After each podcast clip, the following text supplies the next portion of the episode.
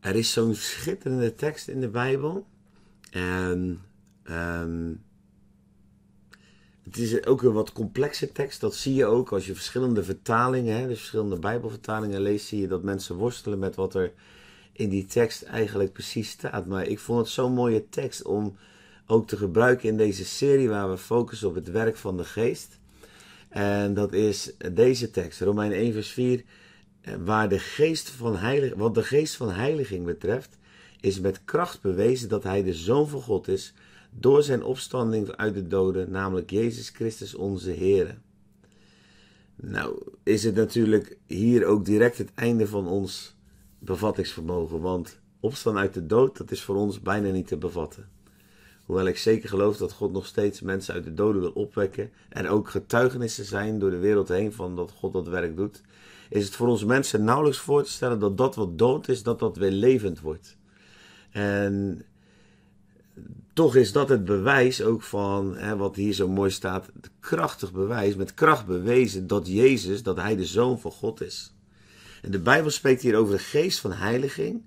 En, en eh, dat is dus een naam van de Heilige Geest. Dat is ook de geest die um, ons wil heiligen, heiligen, apart zetten, zuiveren, salven. Het grappige is dat heiliging alles te maken heeft met um, kracht. Als wij heilig leven, door de geest van heiliging zuiver worden gemaakt, dan zul je zien dat uh, we in diepere intimiteit gaan leven, dat er meer van God in ons plaats kan vinden. Dan begint er ook meer openbaring te stromen, zal er meer autoriteit zijn, zal er meer kracht zijn. Niet per se de gaven van de geest, want die staan vaak los van ons karakter of los van onze heiliging. De gaven van de geest die geeft God zoals hij dat wil. En dat heeft niet te maken met het, hoe jij ervoor staat op dat gebied. Maar ik bedoel een andere manier van kracht. De vrucht van de geest, de intimiteit van God die afstraalt in ons wezen, waardoor we meer op Hem gaan lijken. En waardoor we ook veel meer kracht dragen in deze wereld, gewoon door ons zijn. De, het herstel wat we hebben naar het beeld van God, dat is eigenlijk heiliging. zoals we gemaakt zijn, God wil ons herstellen naar hoe Hij ons bedoeld heeft.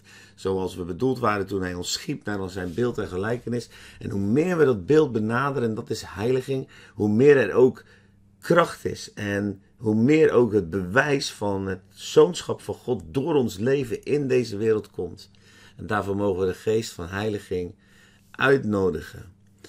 Uh, in onze lichaam, in onze ziel, in onze geest mogen we hem uitnodigen om ons te heiligen. En heiliging is een serieus ding. Um, we hebben het vaak over genade en dat is ook heel mooi. Er is geen leven zonder genade, want dan hadden we allemaal geen bestaansrecht. Niemand niet, ik niet, niemand niet.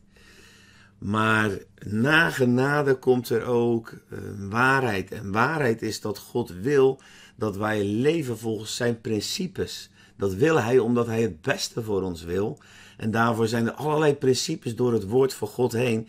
waarin we moeten wandelen. Waarin, ja, moeten vinden mensen als een spannend woord. Je mag wandelen, want als je het niet doet, is er genade. Maar ja, het is wel Gods liefde. Het is net als. Ik heb zelf puberzoons gehad en ik heb ze nog. En soms weet je als ouder zo wat het beste voor ze is. En dan kijk je bijna, ja, met, je kijkt niet bijna, je kijkt echt met verdriet naar ze. En je denkt, oh, je lijdt gewoon. En als je dingen anders doet, dan, dan zou dat lijden zo minder zijn. Weet je wel, ze maken soms keuzes waarvan je denkt, oh, doe dat toch anders. Maar ze zijn zelfstandige wezens. Nou, dat zijn wij ook. En in de hemel zit de vader, die denkt ook vaak, doe dat toch anders. Richt je leven nou in naar mijn principes. Mijn principes die ik in mijn woord openbaart. En, want dan, kan dan ben je zelf gewoon veel meer, kom je veel meer tot zijn recht. Nou, dan wil ik je eigenlijk het is even vanuit deze tekst misschien een klein beetje omweggetje, want we begonnen met de tekst van dat het met kracht bewezen is dat Hij de Zoon van God is, Jezus. Maar door de geest van heiliging wordt ook door jouw leven heen met kracht bewezen dat Jezus de Zoon van God is, omdat Hij steeds meer zichtbaar wordt in jou als je die geest van heiliging uitnodigt. En die zal jou aan gaan wijzen. Ehm, door je geweten heen, door het woord heen, door prediking heen, door in aanbidding.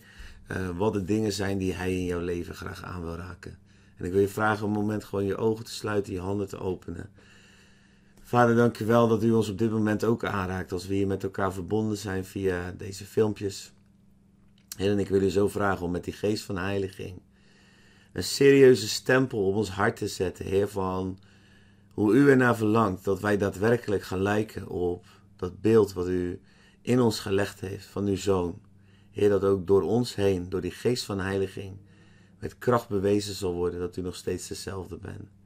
Heer, raak ons aan, wil ons openstellen, ook om daar waar corruptie in ons hart, zonde, fouten toegelaten worden, daar waar nog onvergevensgezindheid is, daar waar we aanstoot genomen hebben aan anderen om ons hart schoon te maken. Wil u uitnodigen, geest van heiliging, om te spreken tot ons, zodat we daadwerkelijk ook zo diep zullen ervaren hoe we dichter bij u mogen komen. In Jezus' naam. Amen.